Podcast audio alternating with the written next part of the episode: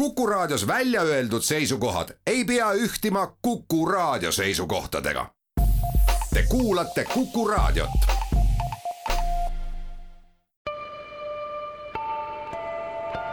ilmaparandaja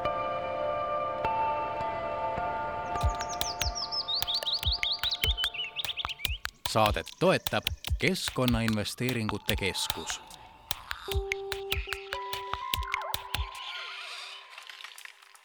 tervist, head Kuku raadio kuulajad, algab keskkonnasaade Ilmaparandaja, mina olen saatejuht Rein Pärn riigikogu valimisteni on jäänud veel mõned nädalad aega ja olgugi, et keskkonnavaldkond on riigis tähtsamale kohale tõusnud kui kunagi varem, võib siiski juhtuda täna see, et julgeolekuteemad või siis majandusprobleemid võivad keskkonnateemad tahaplaanile jätta. Ja et seda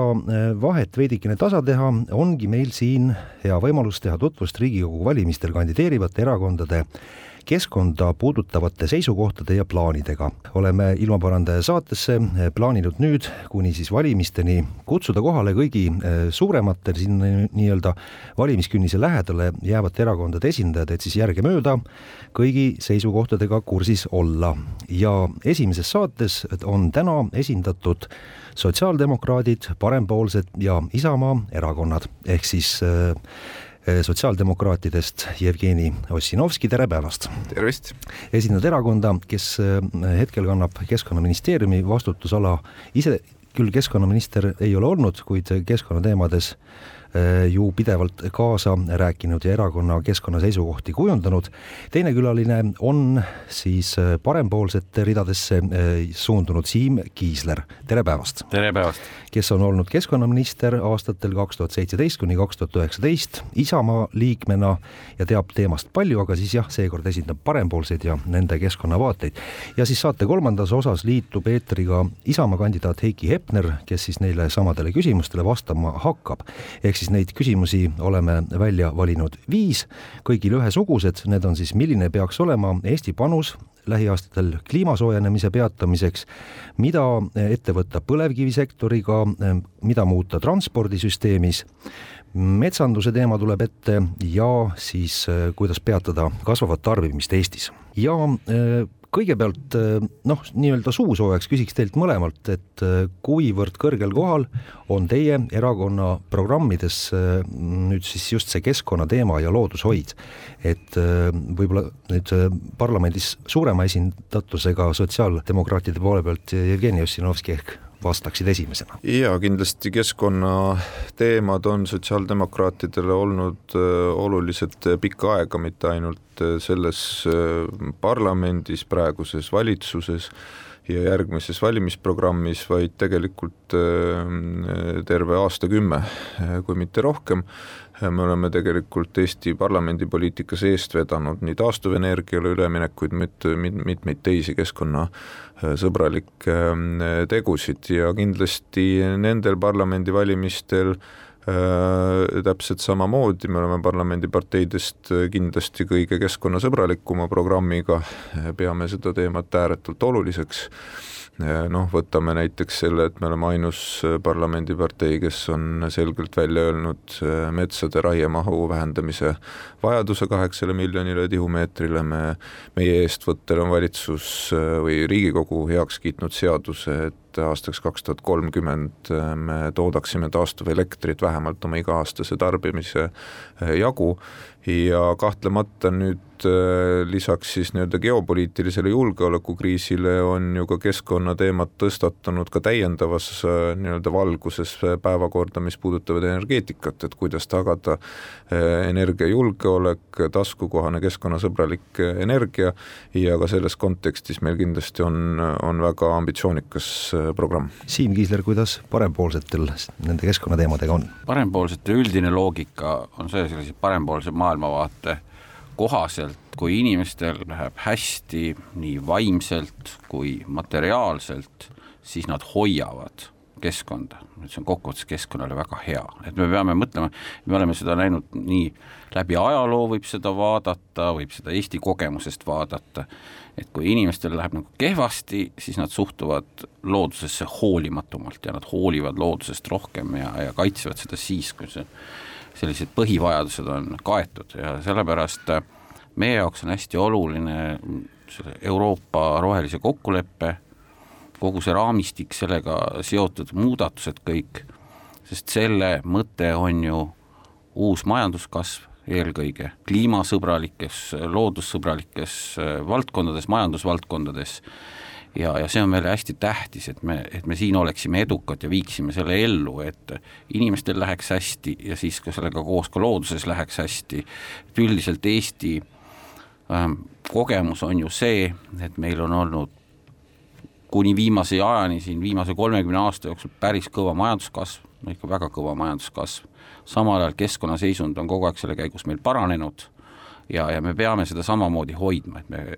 et me muutume üha jõukamaks ühiskonnaks ja järjest jõulisemalt hoiame ühiskonda, et see on meie üldine loogika ja me kindlasti ütleme selgelt välja, et äh, üleminek meie seisukohtades on see, see väga olulisena kirjas, et et äh, üleminek kliimasõbralikele tehnoloogiatele nii ruttu kui võimalik, et see on meie jaoks väga oluline, nii ruttu kui võimalik Läheme siis nii-öelda põhiprogrammi juurde, et mis äh, siis teile ette sai saadetud, need küsimused, millele võib-olla saite natukene ka siis mõelda ja sõnastada, et esimene küsimus, milline peaks olema Eesti panus lähiaastatel kliima soojenemise peatamiseks, Jevgeni Ossinovski. kliimamuutus äh, on teaduslikult tõendatud suurim pikaajaline oht Eesti riigile ja rahvale ja mitte ainult meile loomulikult ja sellest tulenevalt sotsiaaldemokraatide nägemuses ei ole kindlasti äh, kliimapoliitika mitte üks võimalik teema teiste seas, äh, vaid me saame aru, et need muutused, mis, mis on vaja läbi teha selleks, et kliimamuutusi leevendada, et, et hullemat inimühiskondadel ära hoida, et me peame need tegema, need on, see on suur transformatsioon, kahtlemata väga paljusid valdkondasid puudutab, aga meil ei ole alternatiivi, meil on vaja seda teha oma laste äh, heaolu nimel. loomulikult on siin kaks aspekti, üks on see, et vastavalt Eesti poolt äh, ja teiste riikide poolt ratifitseeritud Pariisi kliimaleppele me peame äh, siis väga kiiresti vähendama kasvuhoonegaaside hulka selleks, et, et oma tegevus planetaarsetesse piiridesse viia ja sellest lähtudes on siis Euroopa Liit võtnud vastu siis kliimaneutraalsuse sihi aastaks kaks tuhat viiskümmend, mis seab ka päris ambitsioonikaid eesmärke ka Eestile, siin juba äh, vahe-eesmärk aastaks kaks tuhat kolmkümmend, et need tuleb loomulikult saavutada ja teine aspekt, mis äh, sinna juurde käib, on loomulikult äh, see küsimus, et äh, arvestades meie eriti energeetikasektori saastavust, on Eesti inimese Äh, siis kliimajalajälg üks maailma suurimaid, et me oleme küll väike rahvas, tihti kuuleme seda argumenti, et no mis meist siin ikka sõltub,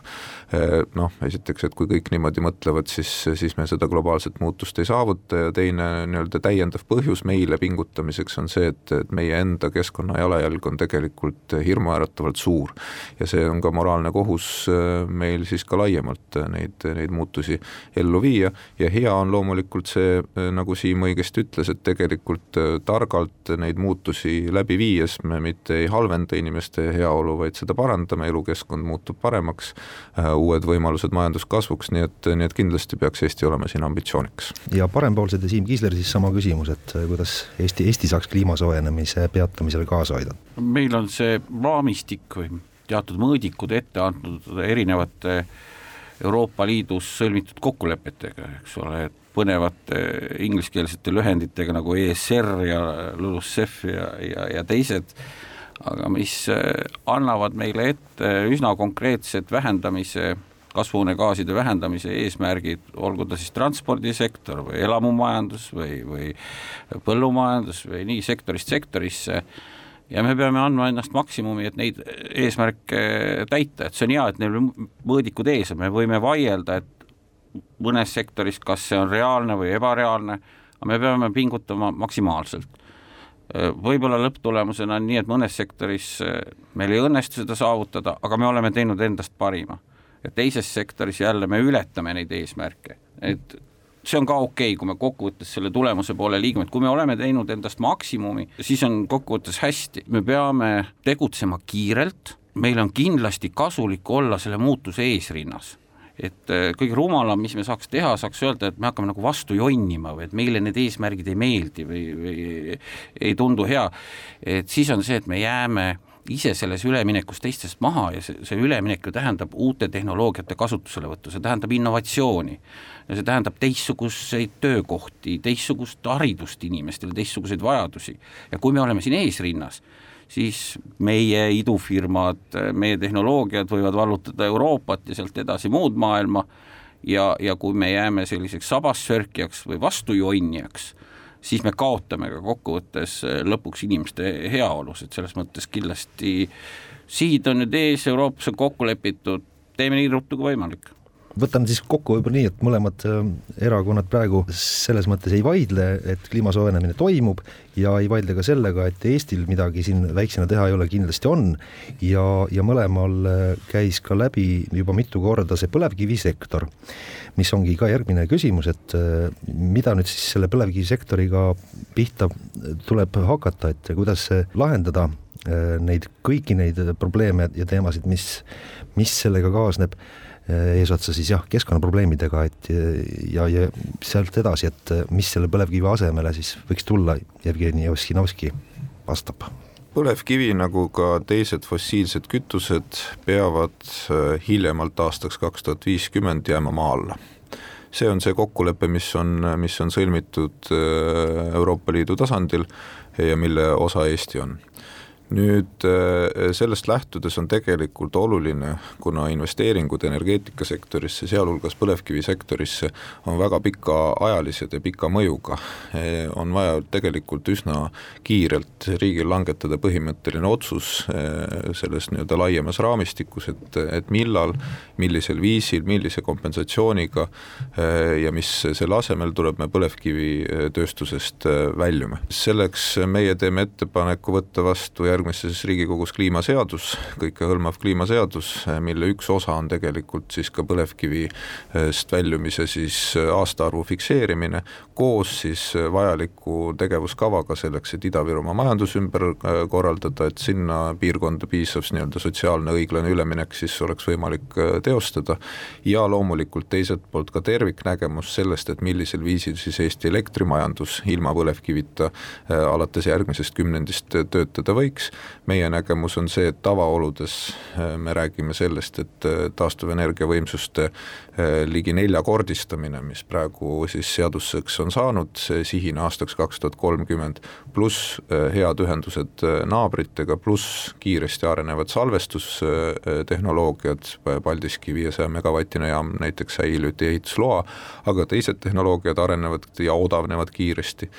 peaksid meil siis tavaolukorras andma meile keskkonnasõbraliku, varustuskindla ja ka taskukohase elektri. ja siis põlevkivijaamad võiksid jääda varustuskindluse reservi nendeks aegadeks, kus me siis näeme, et tõepoolest, kas kogu siis regioonis on elektrit väga palju puudu, äh, nagu me oleme siin sellel talvel näinud, või siis, kui midagi on siis päriselt trikki läinud, et kaabel ei tööta või midagi sellist, et kindlasti ei peaks neid nii-öelda olemasolevaid jaamasid äh, demonteerima hakkama, aga kindlasti me peame selles osas jõudma nii-öelda kõikehõlmava Äh, läbimõeldud äh, loogilise plaanini, kuidas me siis asendame põlevkivist äh, elektri tootmise, arvestades nii sotsiaalseid mõjusid Ida-Virumaal kui ka siis energeetikavajadusi. Siim Kiisler, kuidas nüüd parempoolsed põlevkivisektoris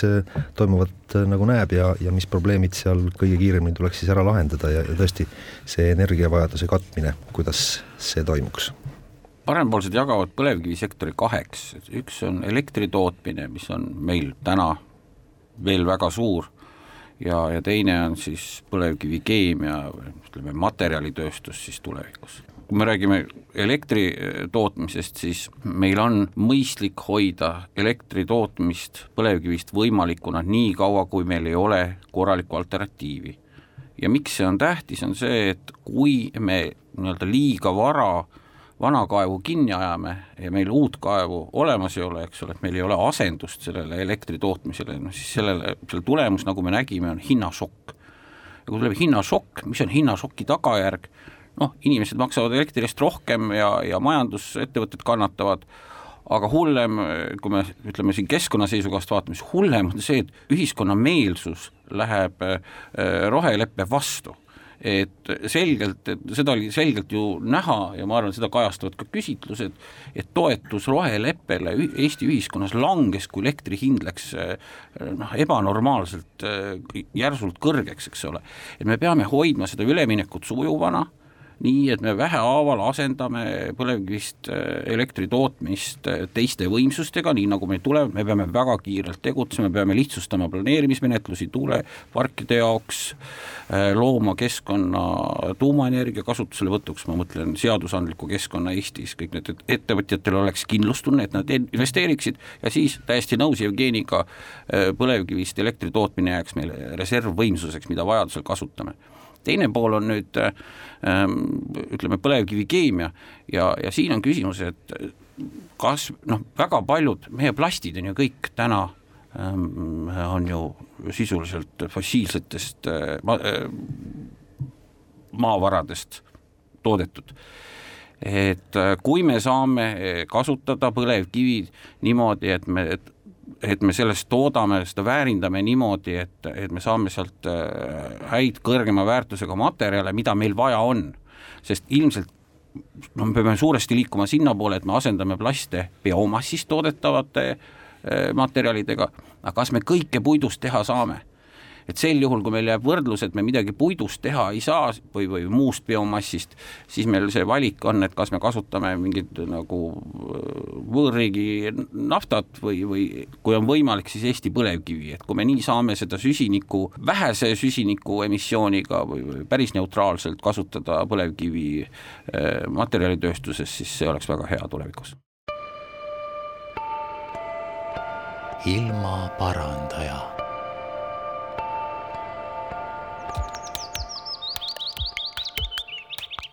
saadet toetab Keskkonnainvesteeringute Keskus.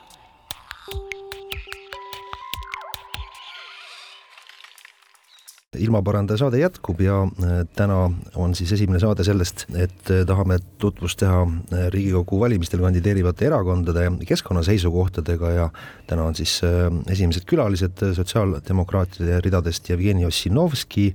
ja parempoolsetest Siim Kiisler ja saatejuht Rein Pärn ning jah, esimeses pooles siis lahkasime kliima soojenemise teemat laiemalt, tahtsime teada põlevkivisektori plaanide kohta, nüüd läheks teemadega edasi transporditeemadeni, et äh, ka üks oluline valdkond, mis meie keskkonda mõjutab ja sotsiaaldemokraadid ja Jevgeni Ossinovski, et mis äh, teie näete, mis on need Eesti transpordisüsteemi sellised kitsaskohad, et mida siin üldse muuta vaja oleks? kui me võtame äh, transpordisektori emissiooni, siis pärast põlevkivielektri tootmist on ta meil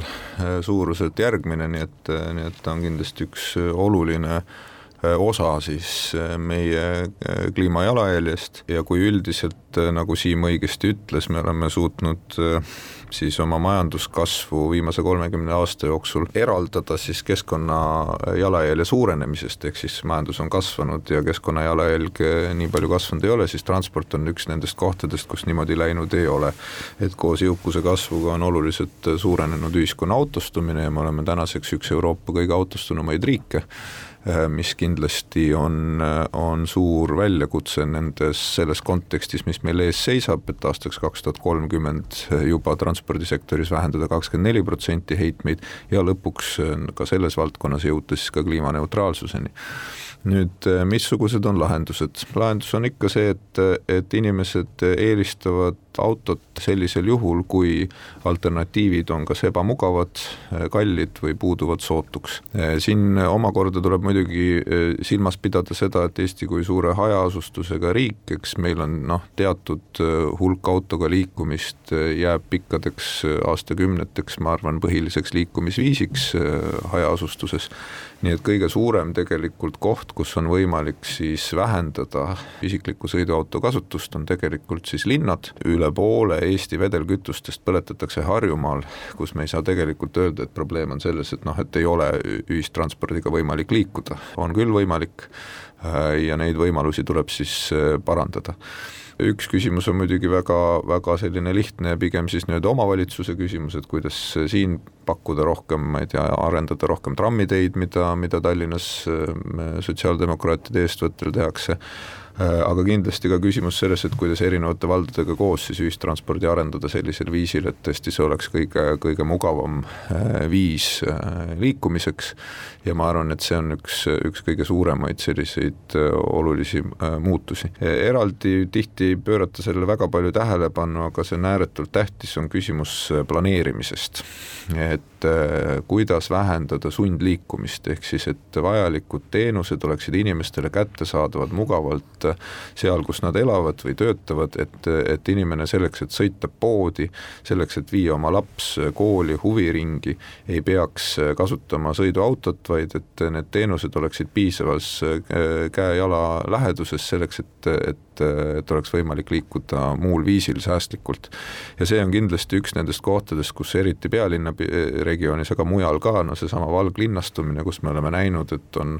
noh, ma ei tea, kilomeetrite kaupa siis elumaju ehitatud kuskile põllule, aga samas, samal ajal ei ole seal lasteaeda, ei ole korralikku ühistransporti, ei ole perearstikeskust ja nii edasi, et need kindlasti vajavad ka nii-öelda süsteemsemat muutust äh, selles suunas, et inimestel seda, seda sundliikumist äh, vähem oleks. Viimane äh, asi siia juurde on kahtlemata suuremate linnade vaheline kiire ühistranspordiühendus, eeskätt me räägime siin rongiliiklusest, selles osas on, on viimase kümnendi jooksul olukord läinud märkimisväärselt paremaks, kui me mäletame, millised rongid ja kui kaua sõitsid kümme aastat tagasi Eesti Vabariigis veel, et sellega võrreldes on, on olukord oluliselt paremaks läinud ja selle tõttu ju me näeme, et, et ka kasutus on, on mitmekordistunud ja jätkab kasvu ja tegelikult on hetkel ju oodata, ootame siin pikisilmi, et millal siis lõpuks tulevad uued rongid, et läbilaskevõimet oleks võimalik parandada. nii et äh, see on kindlasti oluline äh, selle arendamisega jätkata, Haapsalu poole raudteed edasi ehitada, ka Pärnus äh, raudtee lõpuks valmis saada ja sealt edasi, nii et, nii et need alternatiivid on need, mis võimaldavad siis inimestel tõepoolest keskkonnasõbralikke valikuid teha. ja Siim Kiisler, milliseid probleeme parempoolsed näevad transpordisüsteemis ja milliseid lahendusi plaanite? Transpordisektor on üks raske pähkel, et tõesti suuruselt väga suur äh, kasvuhoonegaaside emiteerija, inimestele see võib-olla tuleb üllatusena, aga meie linnastumise tase on madalam kui näiteks Põhjamaades, et meil elab protsentuaalselt rohkem inimesi hajaasustuses kui Soomes või Rootsis või Norras, nii kummaline, kui see ka meil, ma ei tea, telekat vaadates tundub, aga tegelikult see nii on et me peame sellega arvestama, et no mis me siis teha saame, kindlasti, eks ole, ühistransport, aga kindlasti uued rongid, elektri, võimaluse korral vesiniku jõul töötavad, sama praamid, ühistranspordi puhul parempoolsete seisukoht on tasuta ühistranspordi kaotamine ja põhjus on see, et kindlasti dotatsioon jääb, aga ei tohi sada protsenti doteerida seda maakondlikku ega ka Tallinnas ühistransporti. ja põhjus on väga lihtne, kui ei ole sellel vedajal mingit vahet. ta saab niikuinii oma raha sada protsenti siis riigilt või omavalitsuselt kätte, siis ei ole mingit vahet, mitut inimest ta seal parajasti seal bussis veab.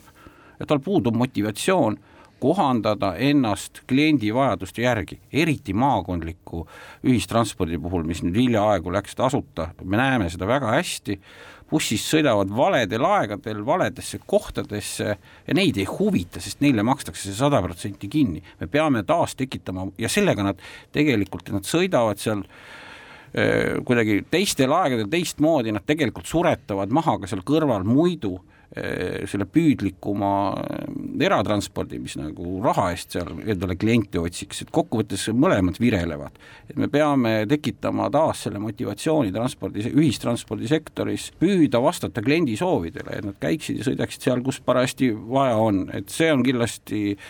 üks suur valdkond, nõus väga Jevgeniga, et mm, inimeste paiknemine, inimeste töökohad on väga palju muutunud ja me oleme siin arengutes maha, et üks on tõesti planeerimine, et käiksid sellega kaasas äh, lasteaiakohad äh, ja, ja koolid ja kõik muu, aga jah, no tõesti, ma arvan, nii Jevgenil kui minul on see kogemus, kuidas äh, lapsevanemana käitud sa mm, autojuhina, vead, vead lihtsalt lapsi õhtuti pärast tööd ühest kohast teise, aga ka tööle sõit, eks ole, kui palju töökohti meil on vahetult Tallinna ümbruses näiteks, kui samast Harjumaast rääkida, kuhu ei ole kuidagi muud moodi võimalik minna kui autoga väga noh, tuhanded ja tuhanded, ma ei suuda isegi hinnata, kõik need Tallinna ümbruse uued tööstusalad, kui me mõtleme, sinna ei käi ju mingit ühistransporti. Et, et meil on ka väga palju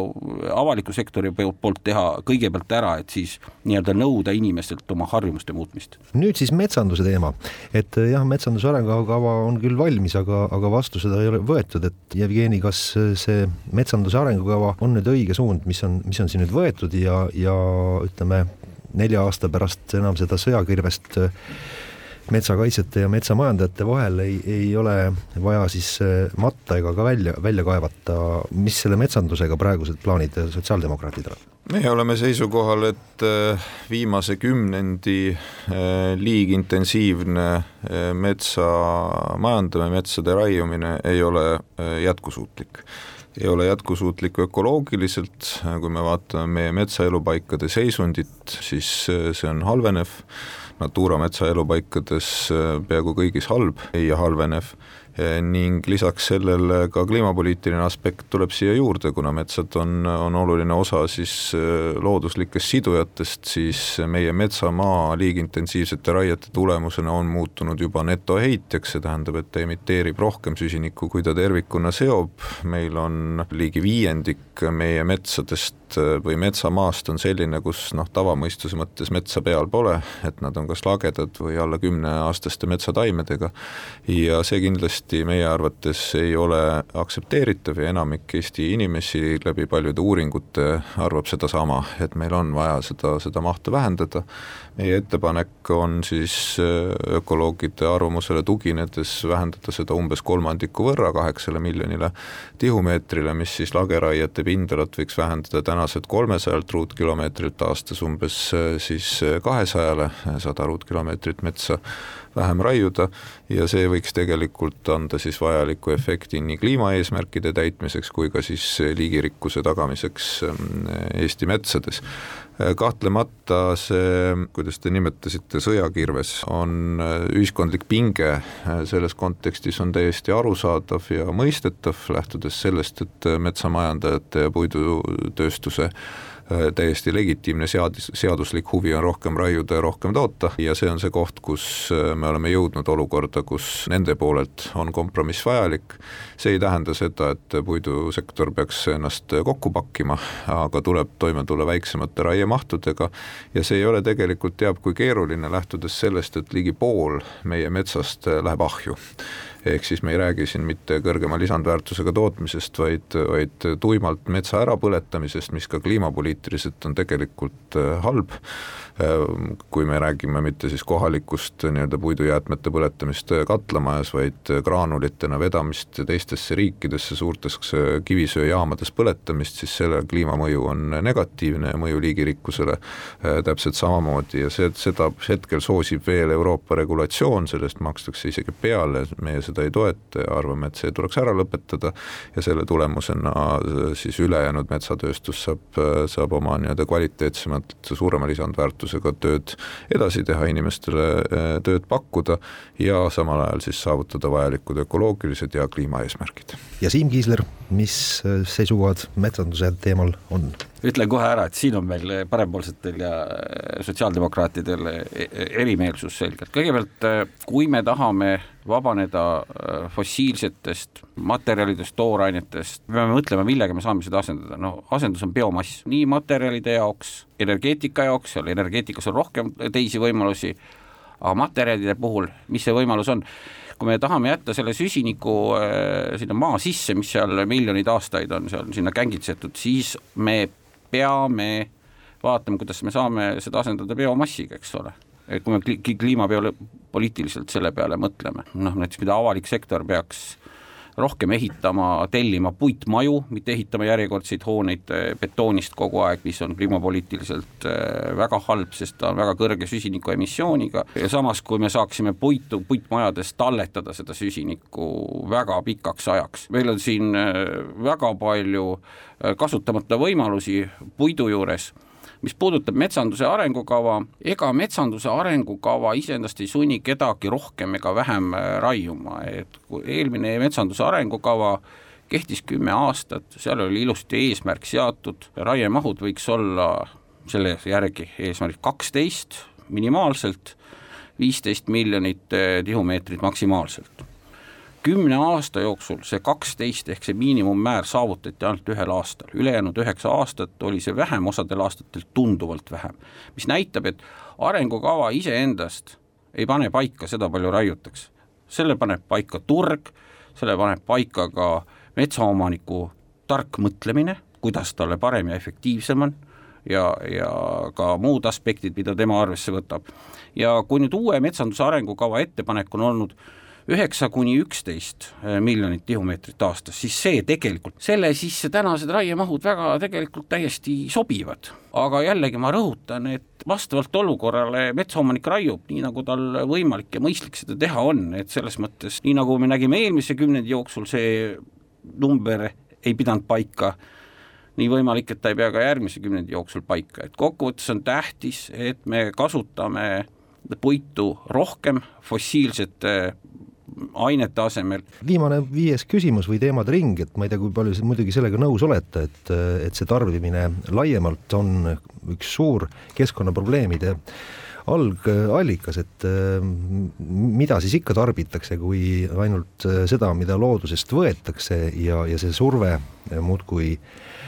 muudkui on tõusuteel, et Siim, äkki äh, alustad selle teema käsitlemist, et kas, kuidas selle tarbimisega Eestis on ja, ja mis vahenditega seda pidurdada? laiemalt äh, peame rohkem keskenduma ringmajandusele ja vaatama, mis on ringmajanduse võimalused. oleme proovinud aastaid tõsta ladestustasu Eestis, et materjalid ei, ei maabuks prügimäele, vaid kui ladestustasu on kõrgem, siis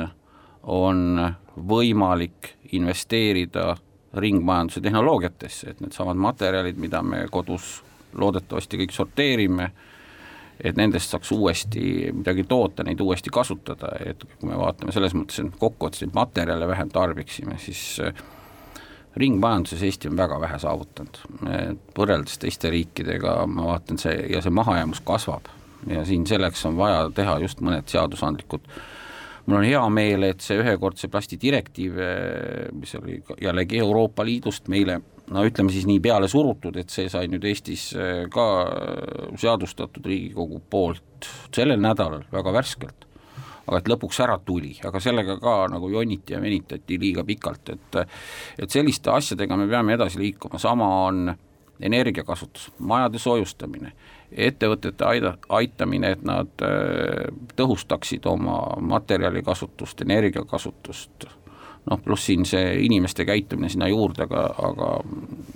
suured asjad tuleks enne ära teha. ja sotsiaaldemokraadid, kuidas, kuidas näevad seda tarbimise probleemi ja lahendusi? see on väga õige küsimus saatejuhilt, sest äh, selge on see, et nii globaalselt kui Eestis me elame inimkonnana, nagu meil oleks mitu planeeti, on neid kaks, kolm või neli, sõltuvalt äh, metoodikast, aga selge on see, et äh, kuna rahvaarv globaalselt ka jätkab veel kasvu, siis sellisel viisil Äh, lõpmatult edasi minna ei saa, see ei ole jätkusuutlik. Ja me peame õppima materjalide ja energia kasutamisega olema säästlikumad, äh, väga palju on võimalik saavutada selle kaudu, et tõesti vähendada raiskamist,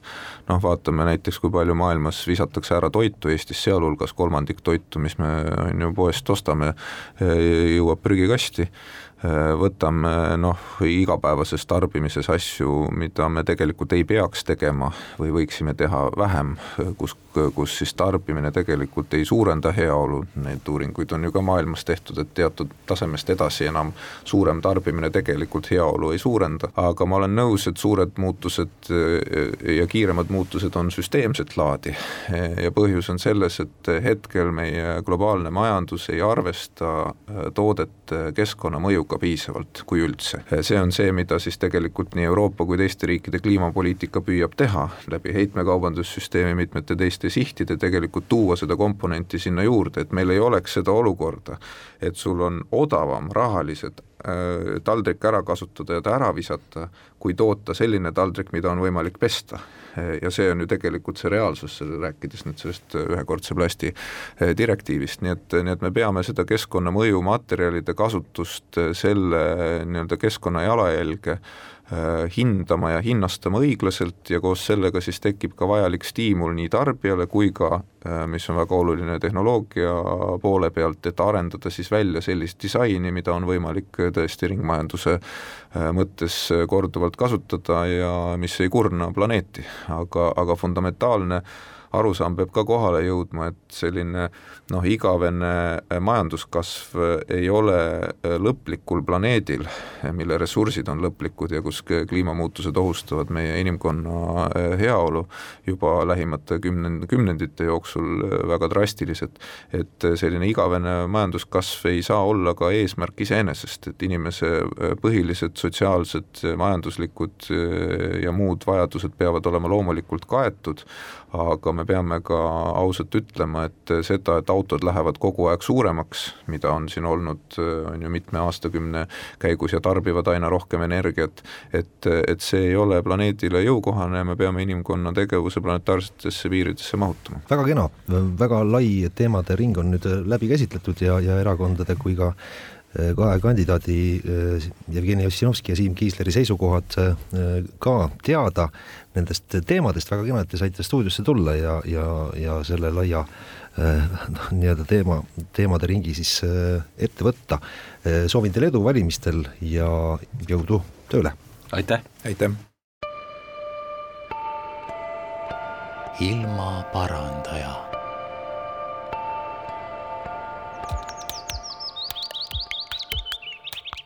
saadet toetab Keskkonnainvesteeringute Keskus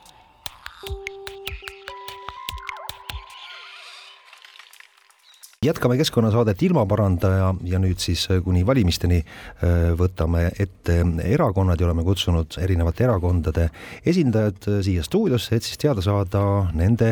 keskkonnavaadete kohta ja, ja siis mõned küsimused on juba ka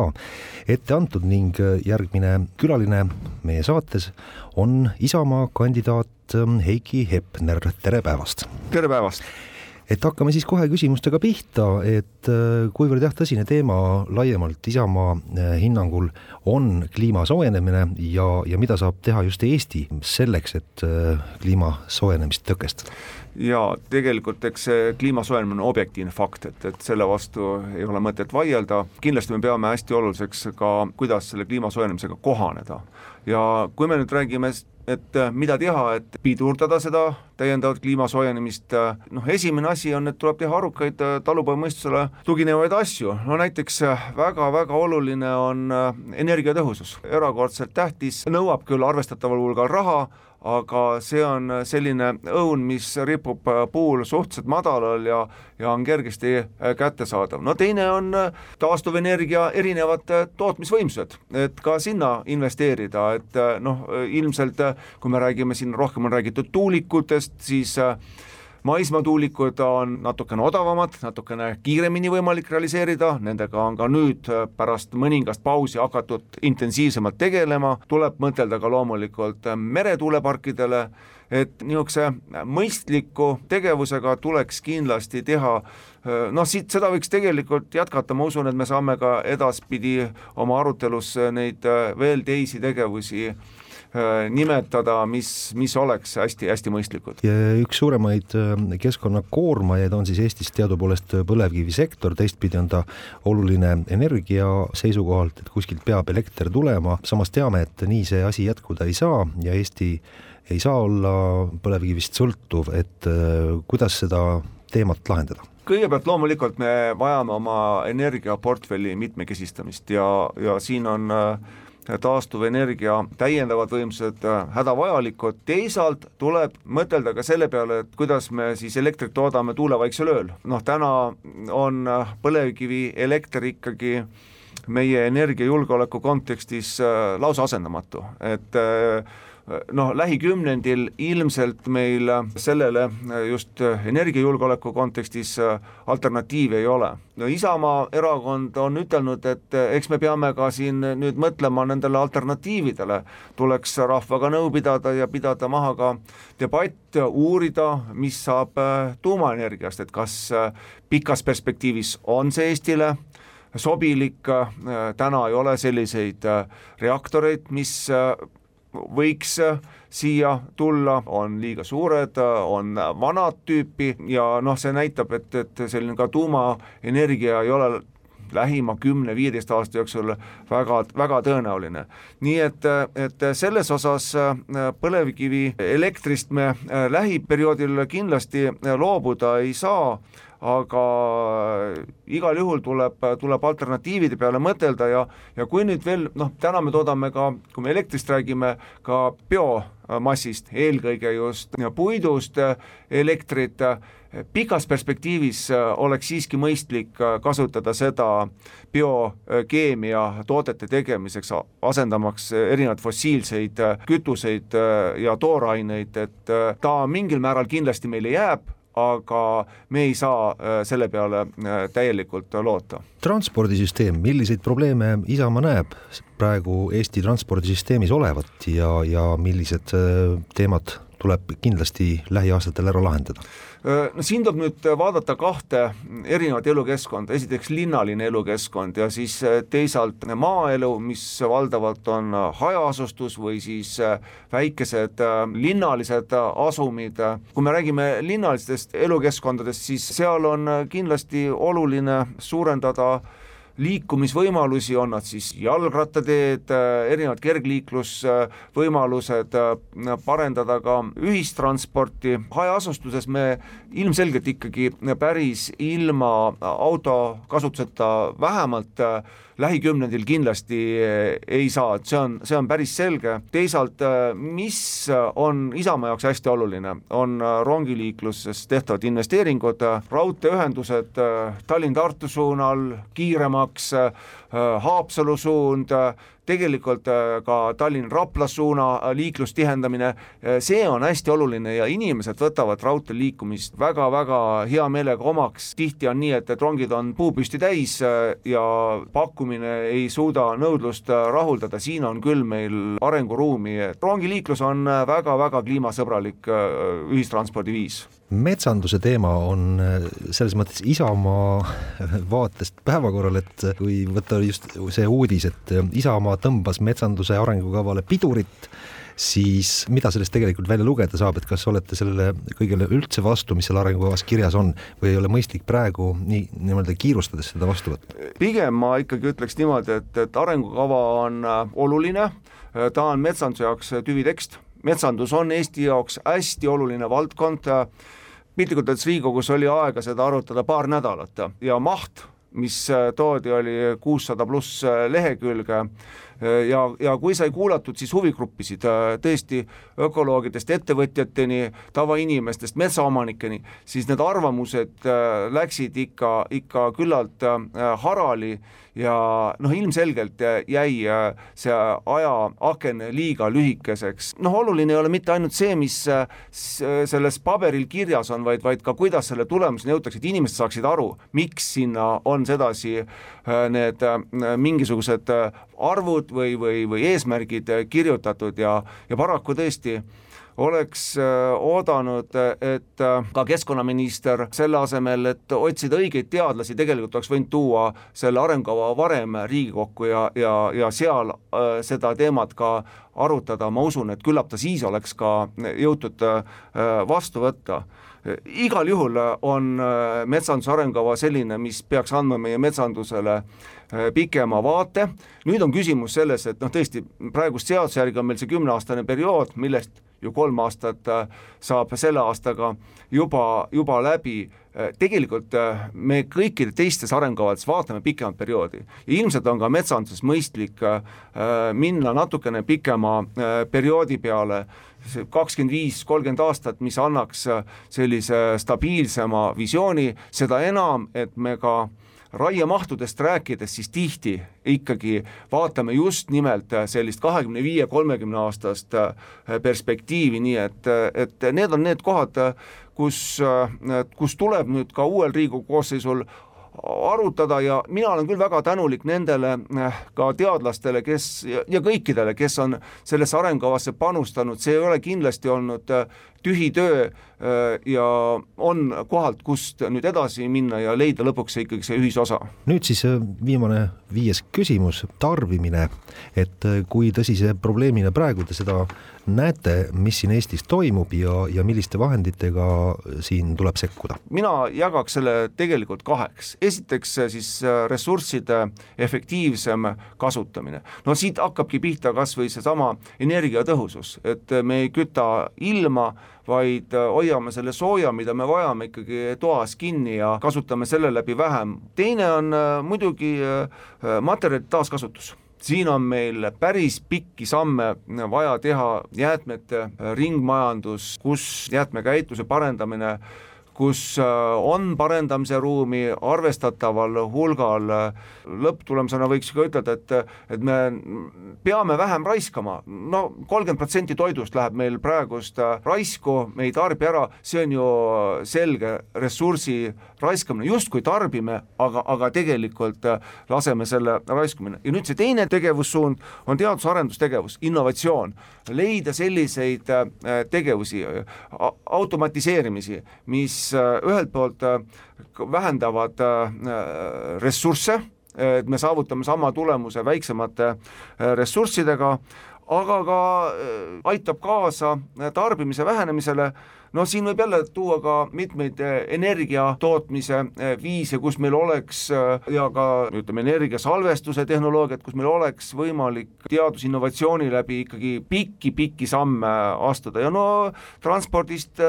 me juba ka natukene siin rääkisime, see on jälle sama koht, et, et kui me paneme viis inimest äh, autodest ühistransporti, siis ju oleme tegelikult äh, tarbimist äh, vähendanud, aga tulemuse oleme saanud sama et, et see oleks see võtmesõna, et me saavutame sama tulemuse väiksema tarbimisega, see, seda kindlasti Isamaa oma, oma programmis ka näeb ette hea kuulda. väga head, väga konkreetsed vastused, aitäh, Isamaa kandidaat Heiki Hepner stuudiosse tulemast, vastamast ja edu valimistel! suur tänu! Ilmaparandaja